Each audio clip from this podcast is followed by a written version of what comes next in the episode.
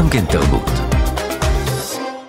הם גדלו בירושלים, בשכונת רחביה, לא פחות, ביוקר של הביוקר. הם בנים לאבא צלם, לאימא עקרת בית, שלימים תהפוך לאימפריה של ביטוח. 13 שנים מפרידות ביניהם, הוא הבכור, היא הקטנה. באמצע יש עוד אח אחד, שלומי.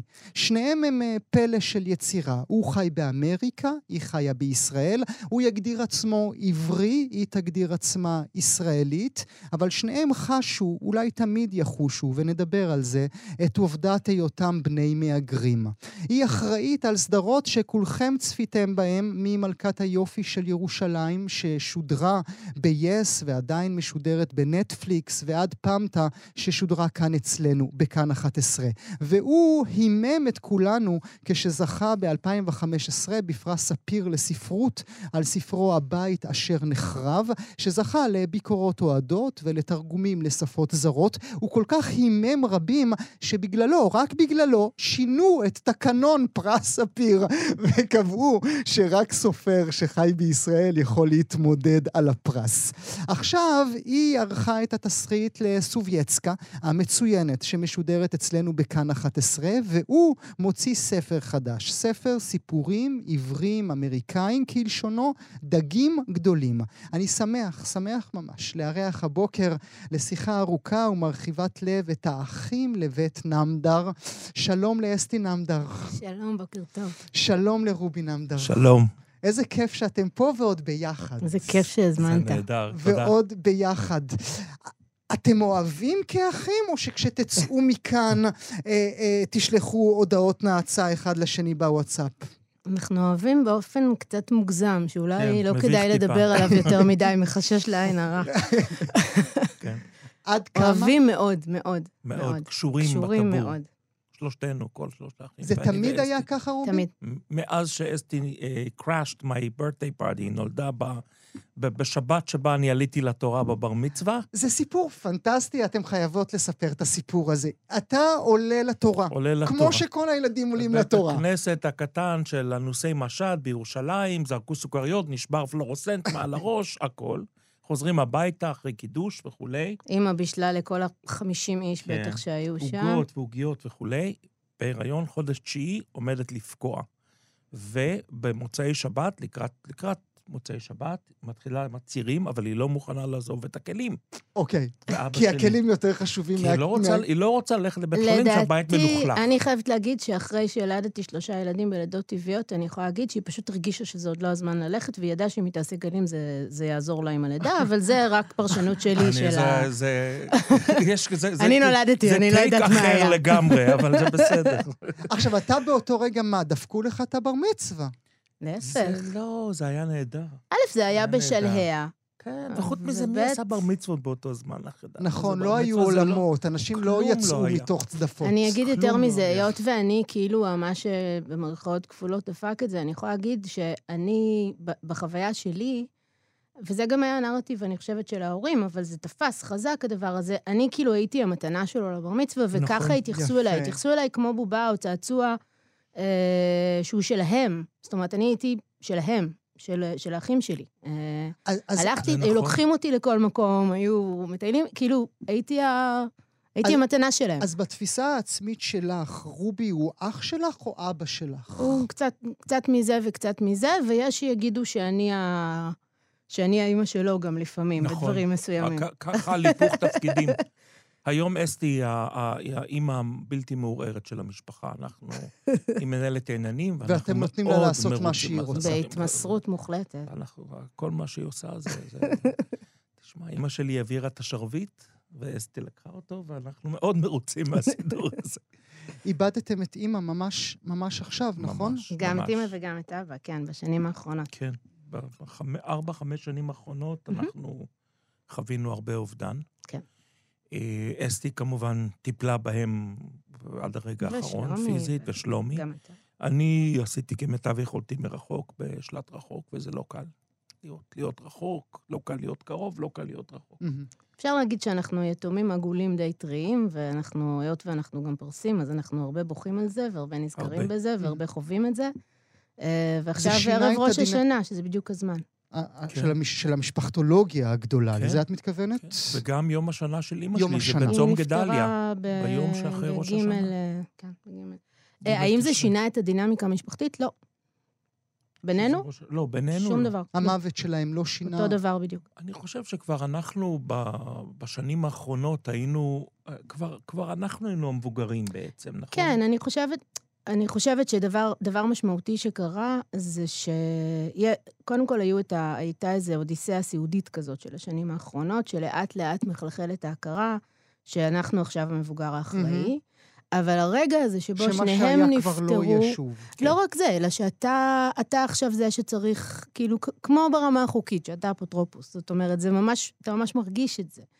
ואני חושבת שהיה איזה רגע של הכרה, דווקא זה היה בבר מצווה של, אה, של אה, אמיתי, הבן של אחינו, האחיין שלנו, המתוק, הבן של שלומי, אה, שפתאום הסתכלנו מסביב ואמרנו, יא, אין יותר מבוגרים. זאת אומרת, אין יותר... אה, אנחנו המבוגרים. עכשיו, זה- אני בת 40, אתה בן חמ- 40 ו, אתה בן 50 ו, זה כאילו, זה ו- אמור להיות מובן מאליו, אבל זה לא.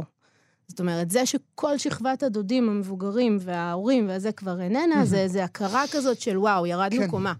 תגיד גם- לי, כן, סליחה, בבקשה. גם אה, הם היו כאלה טיפוסים, הדודים שלנו. אנחנו באים ממשפחה פרסית כזאת. זהו, זה מה שבאתי לשאול טיפוסים אותך. הם היו. מה זה. אומר לגור, מה זה, מה זה אומר לגדול, להיוולד אל תוך משפחה משהדית? מה קודם? כל, לא? מדובר, לא מדובר בשום צורה בחמולה, כי אלה לא אנשים שגרו קרוב אחד לשני. אנחנו לא. מפוזרים בין יבשות. ישראל לניו יורק, למילאנו, ללונדון.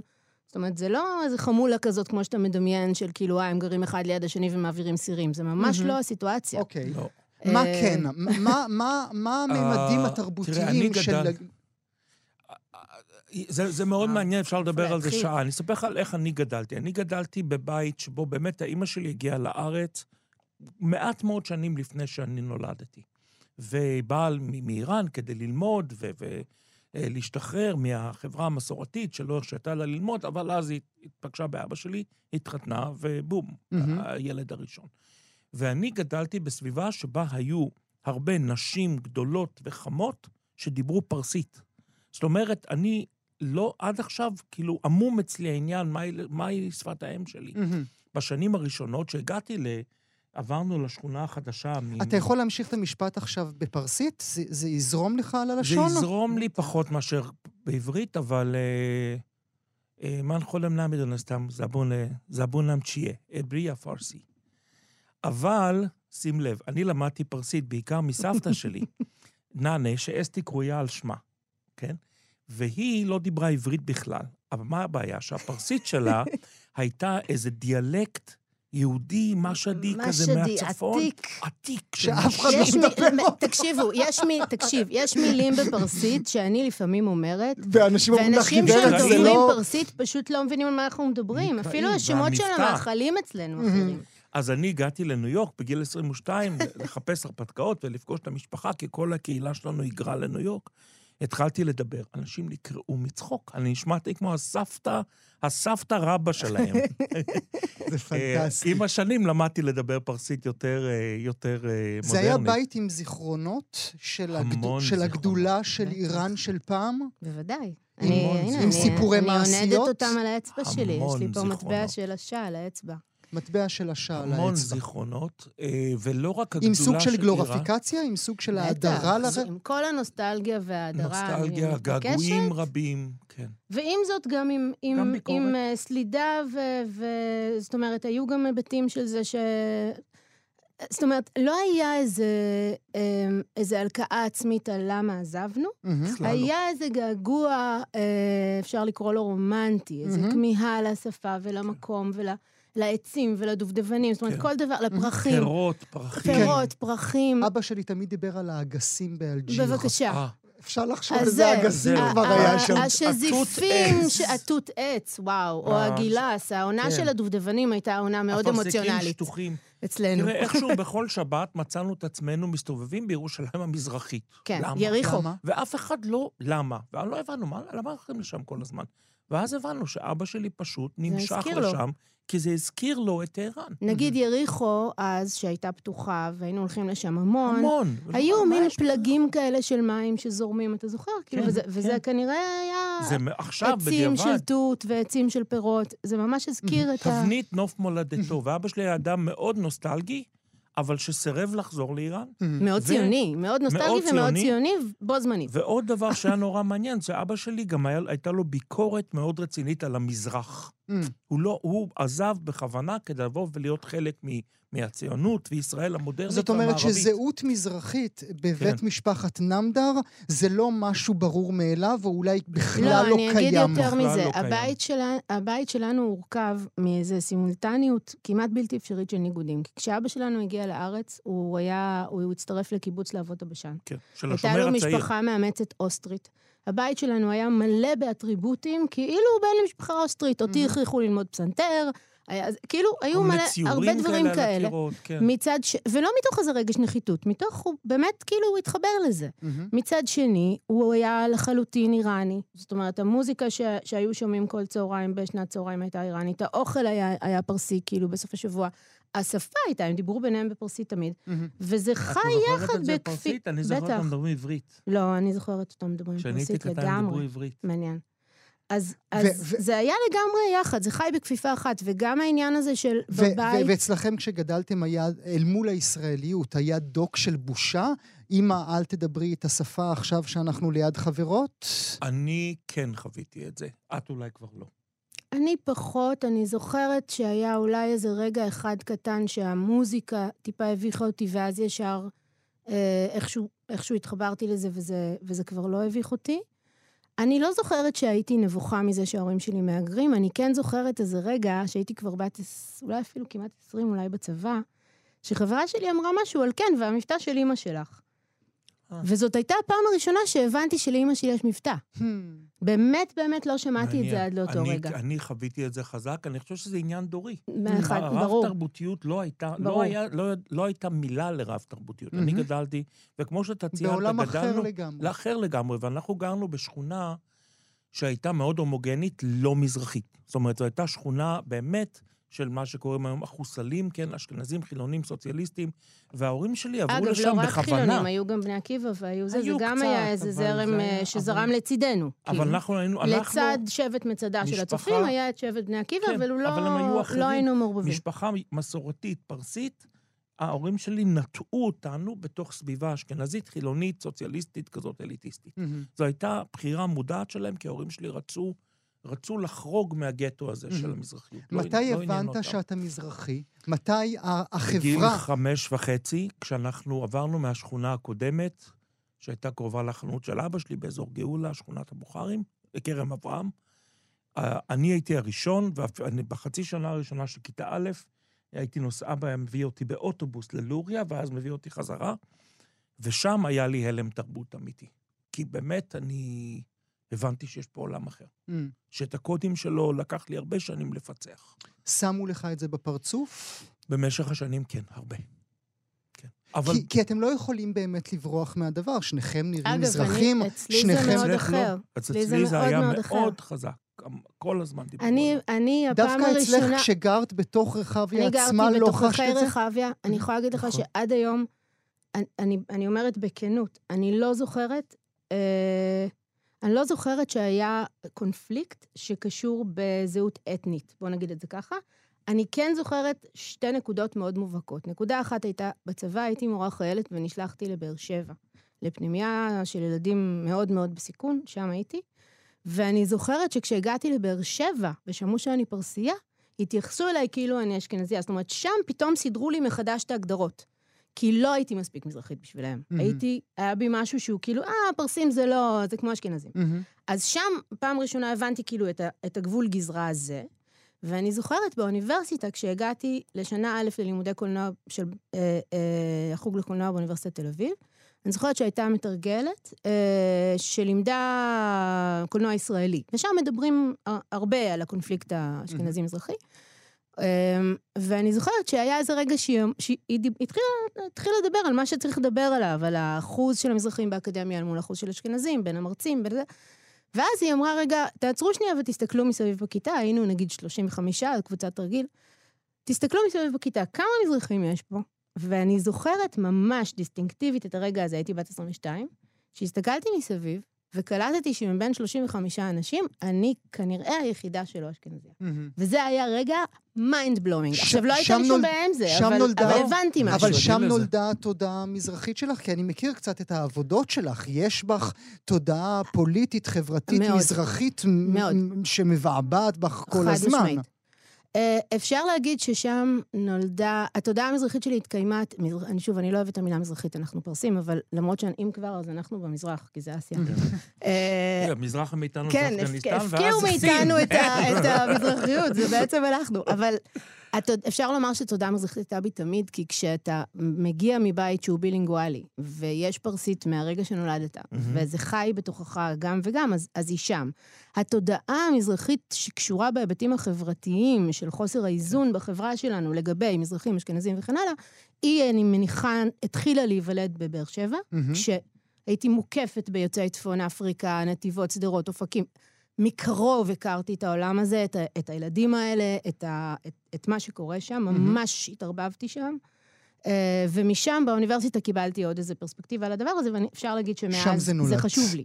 ולי יש משהו אחר, ואני בזה דומה לאבא.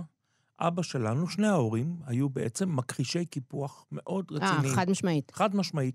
אבא שלי סלד, והאמת, גם אימא כן, כן, אף מזה. פעם לא, זה לא היה. הנרטיב. סלדו מאוד בגלוי לא, ובאופן אבל קולני. את אומרת דבר שונה. אה, אה, רובי אה, הרבה יותר חזק בהצהרה שלו. את אומרת, הם לא היו חלק מזה, רובי לא, אומר לנו, היה- לא, הם עבדו בזה. סל, עבדו בזה. לא, לא, הם גם עבדו בזה, אבל גם. היה מאוד, היה חשוב, אה, חשוב לי להגיד, אנחנו לרגע אחד לא אמרו לנו, אתם יכולים פחות, נכון. אנחנו, דפקו לא, אותנו. אנ- כלום. זה פשוט לא היה. אני למשל, את הנרטיב הזה הכרתי לראשונה בבאר שבע, מהמם. באופקים, בשדרות, בנתיבות. זאת אומרת, שמה שמעתי פעם ראשונה את המוזיקה הזאת. כי היא לא הייתה לנו. אבל אני תוהה אם אנחנו סוגרים כאן איזשהו סוג של מעגל בהגדרה העצמית. אולי זה ההבדל ביניכם, אחד ההבדלים. ביניכם, ולכן עד היום אתה מגדיר עצמך כעברי ולא כישראלי. כי אתה לא רוצה להיות חלק מהסכלה הזה. מעניין. אני מעניין. לא יודעת, האם אתה מעניין. באמת לא מגדיר את עצמך ברור, תראה, כישראלי? אני ברור חושבת שזה קצת ישראלי. מביך, כי אתה לא חי בישראל ברור שאני ישראלי. האחרונות. אבל אתה ו- פה ארבע פעמים בשנה. אני המון פה, והלב שלי פה, והקוראים שלי פה, והשפה שלי פה.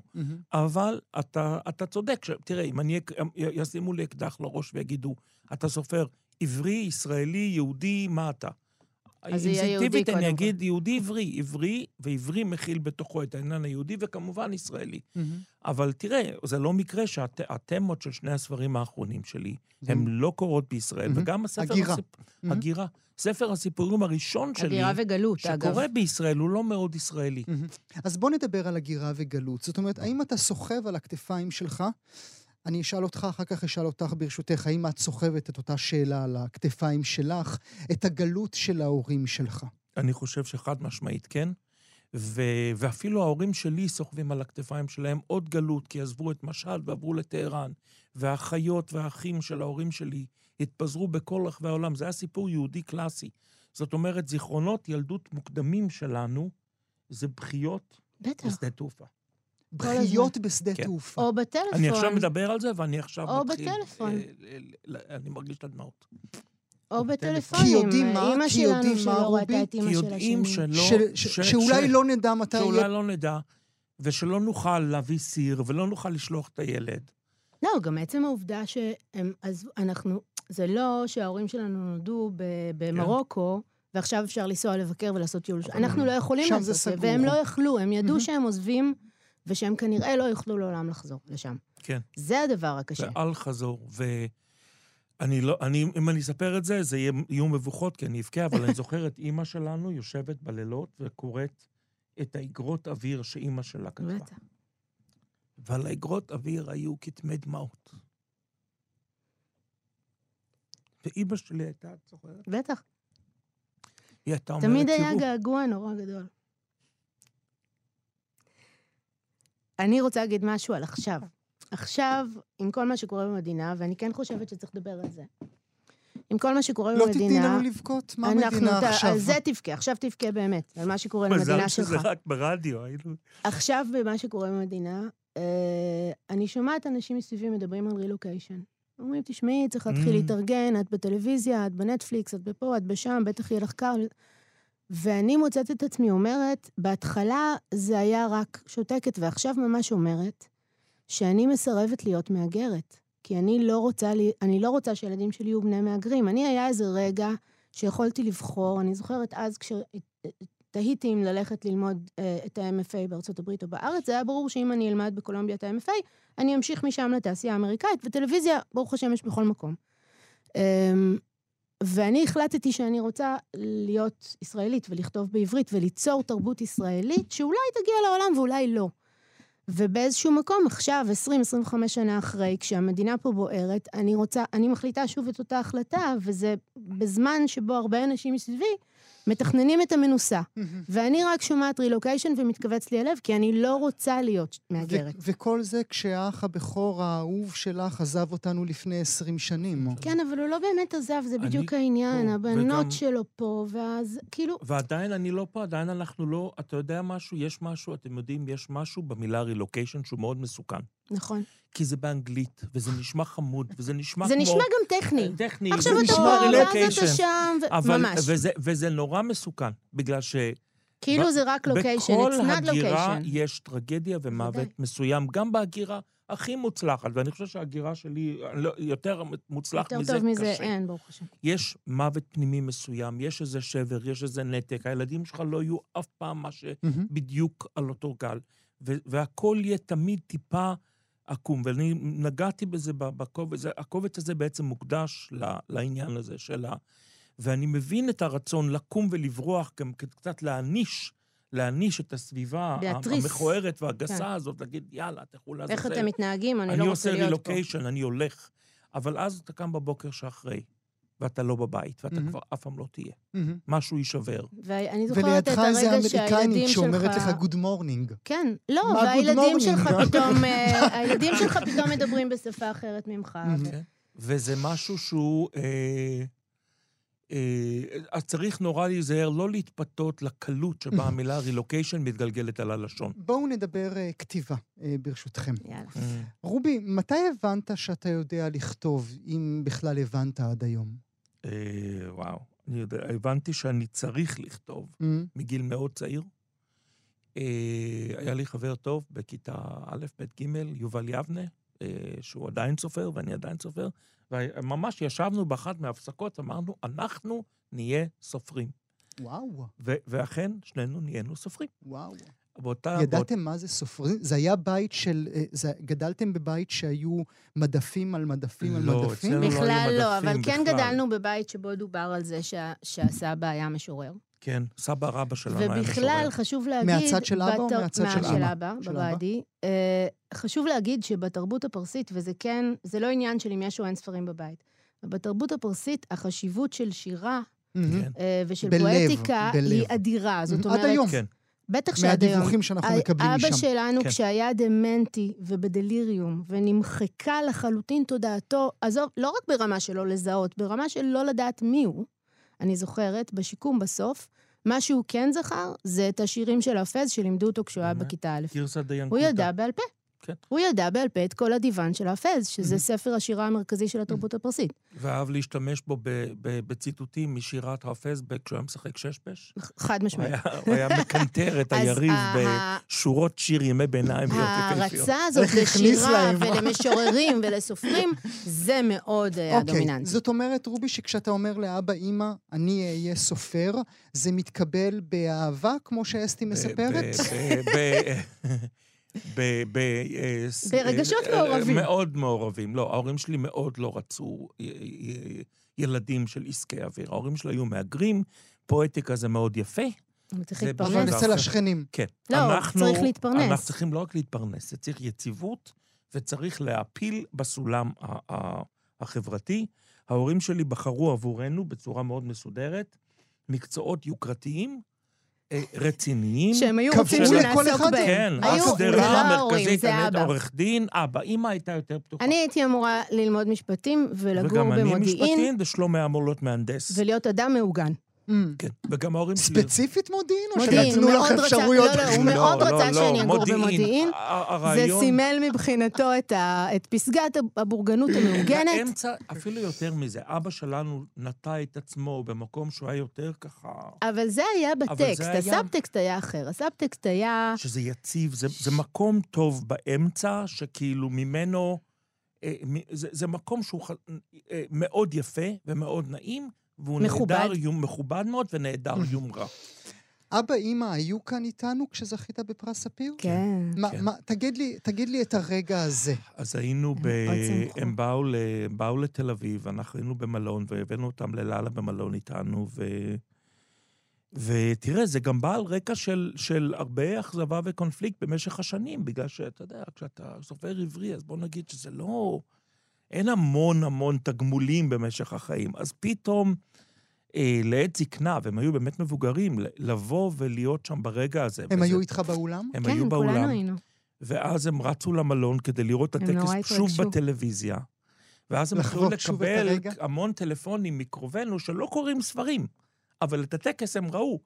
אז כאילו פתאום ההורים שלי, פעם ראשונה שאני יכולתי לספק להם טיפה נחת. Mm. מה אמרו לך? תגיד לי. אבל רגע, אני צריכה להגיד עוד משהו.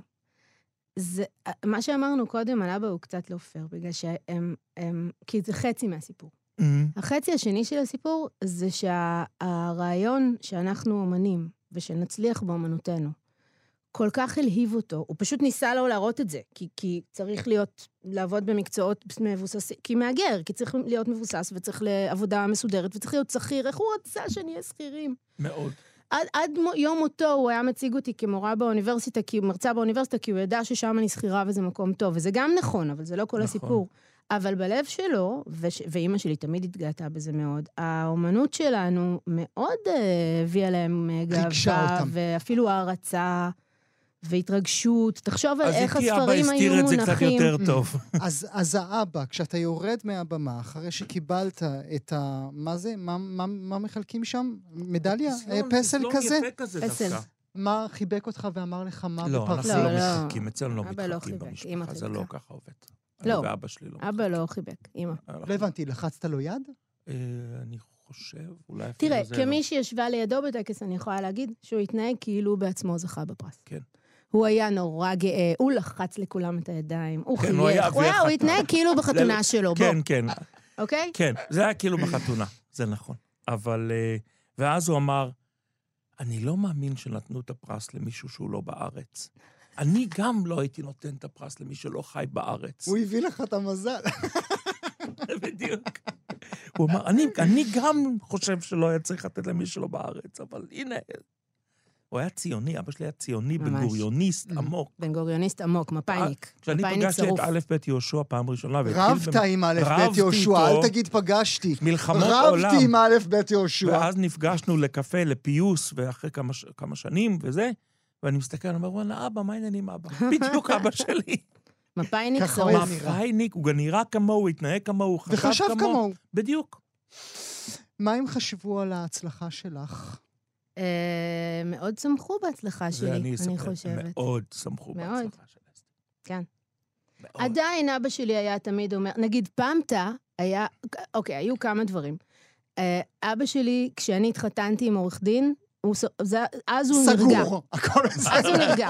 היא לא, היא לא עורכת דין, אבל לפחות הבעל שלה כן. אז זה דבר ראשון.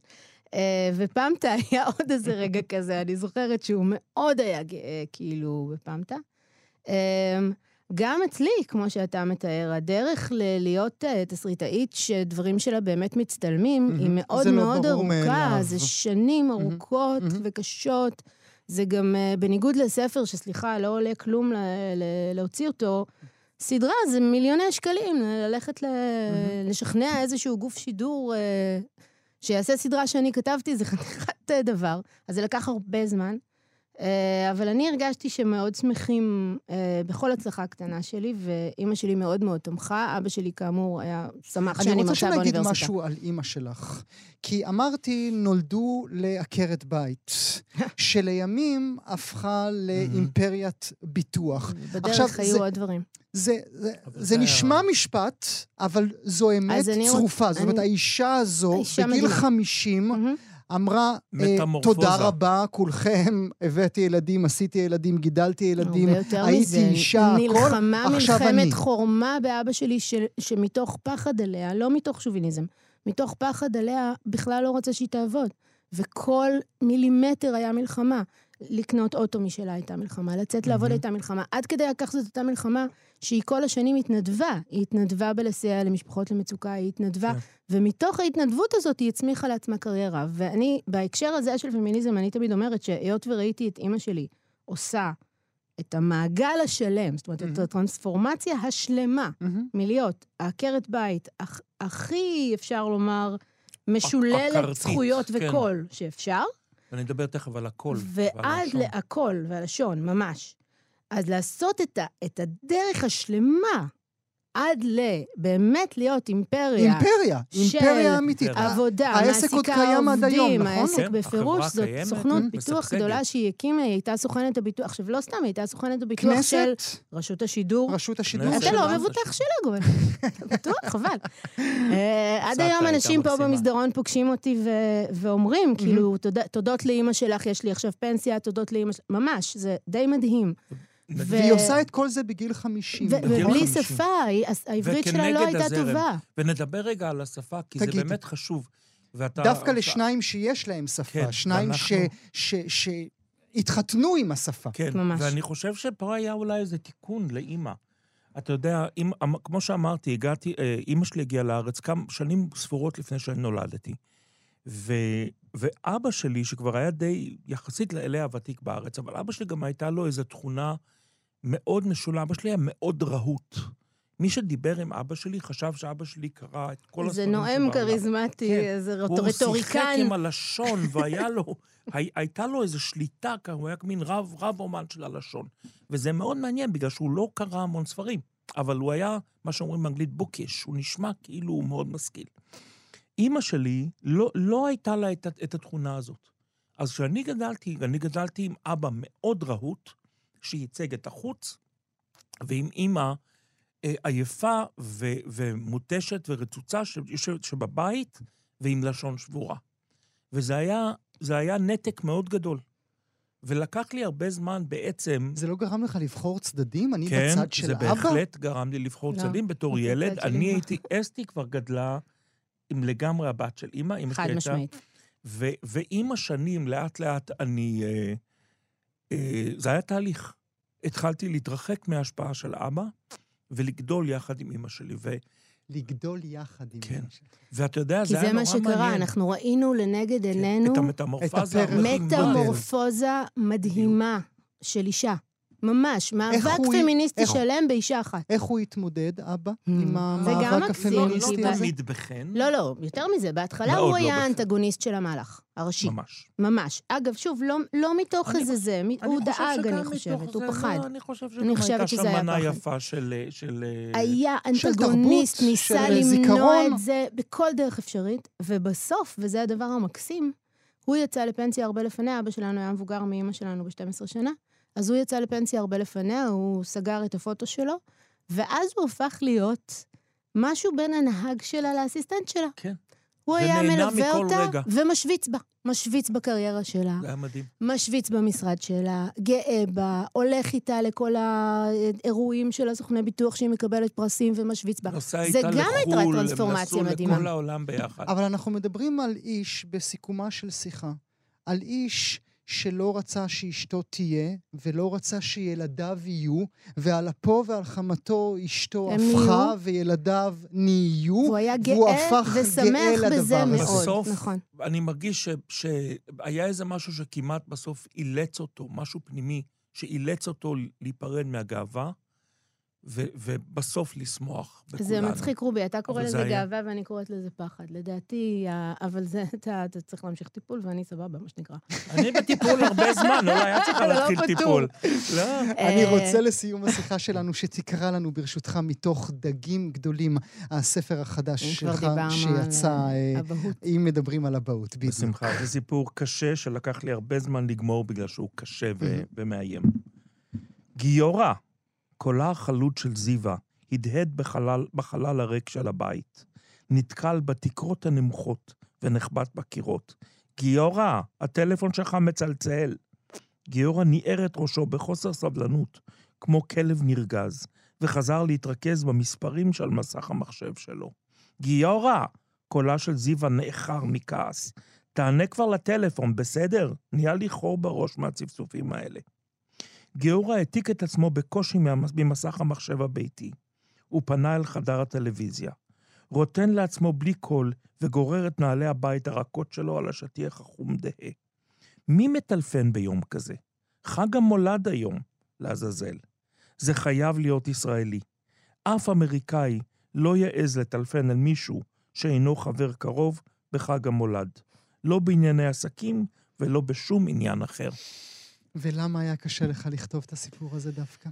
כי זה, אה, בדיוק, כי זה סיפור אה, טרגי וקשה על אבא ישראלי שעבר לגור בארצות הברית לפני הרבה שנים, באיזה ניסיון כזה מגושם לכבוש את החלום האמריקאי. והבת הצעירה והאהובה שלו ניתקה קשרים עם המשפחה. והאבא ביום חג המולד יוצא לחפש אותה באיזה חור נידח, ואני לא אמשיך לגלות עוד. מהמם. ואני אב, אבא לבנות ואח ל, ל... וזה שבר לי את הלב, ולקח לי הרבה זמן להיות מסוגל להתמודד עם הסיפור הזה ולכתוב אותו. יותר מזה, זה זה תמצית כל הפחדים כל שלך הפחדים. כהורה. כל הפחדים שלי. אה, מצויים. בספר. צריך. להגיד, זה ספר אה, סיפורים, כמו שאמרנו, מאזינות ומאזינים, דגים גדולים, סיפורים עבריים אמריקאים, כך הוא מגדיר את היצירה הזו שלו, ובאמת יש שם אה, אה, סיפורים מסוגים שונים, סיפורים על שדים, על משבר כלכלי ומשבר אקולוגי באמריקה, סיפורים מאוד חרדתיים, כמו סיפור ששמו יום ביריד, שהגיבור שלו הוא רובי, האמינו או לא, קוראים לו רובי. יש המון המון פחד לילדים וואי. בתוך היצירה הזו כן, אה, מרכזי שלו. של יצירתנו. אבל כאן אה, בספר הזה, בפגישה הזו רציתי לדבר על החיבור ועל האהבה אה, ביניכם. רק נאמר שענת שרון בלייס נכנסה עכשיו לאולפן, שלום ענת, ואת גם קיימת שיחה ארוכה עם רובי, שיחה שתשדרי בעוד מספר שבועות, שם תעסקו כן. בספרות ובספרים. אני רוצה להודות לכם מאוד שבאתם אליי. לאולפן, האחים לבית נמדר. תודה. תודה רבה. תודה רבה.